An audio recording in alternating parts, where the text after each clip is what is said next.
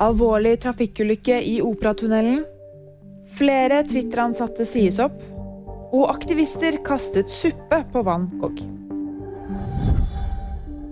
Til sammen fem personer er skadet etter en trafikkulykke i Operatunnelen i Oslo tidlig lørdag morgen. Ifølge politiet har en personbil kommet over i feil kjøreretning og kollidert med en trailer.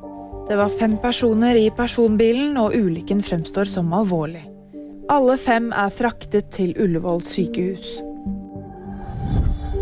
Twitter skal fredag ha satt i gang med å si opp et stort antall ansatte. Dette skjer en uke etter at Tesla-gründer Elon Musk tok over det sosiale mediet. Det melder en rekke store medier. Det har ikke kommet noen formell bekreftelse på hvor mange det gjelder, men The New York Times skriver at 3700 jobber allerede skal være kuttet. Italienske miljøvernforkjempere har kastet ertesuppe på Så mannen, et maleri av Vincent van Gogh i Roma. Det skriver Reuters. De fire aktivistene gjennomførte aksjonen mens de ropte slagord mot global oppvarming og fossile brensler. Dette er andre gang siden oktober et van Gogh-bilde har blitt kastet suppe på.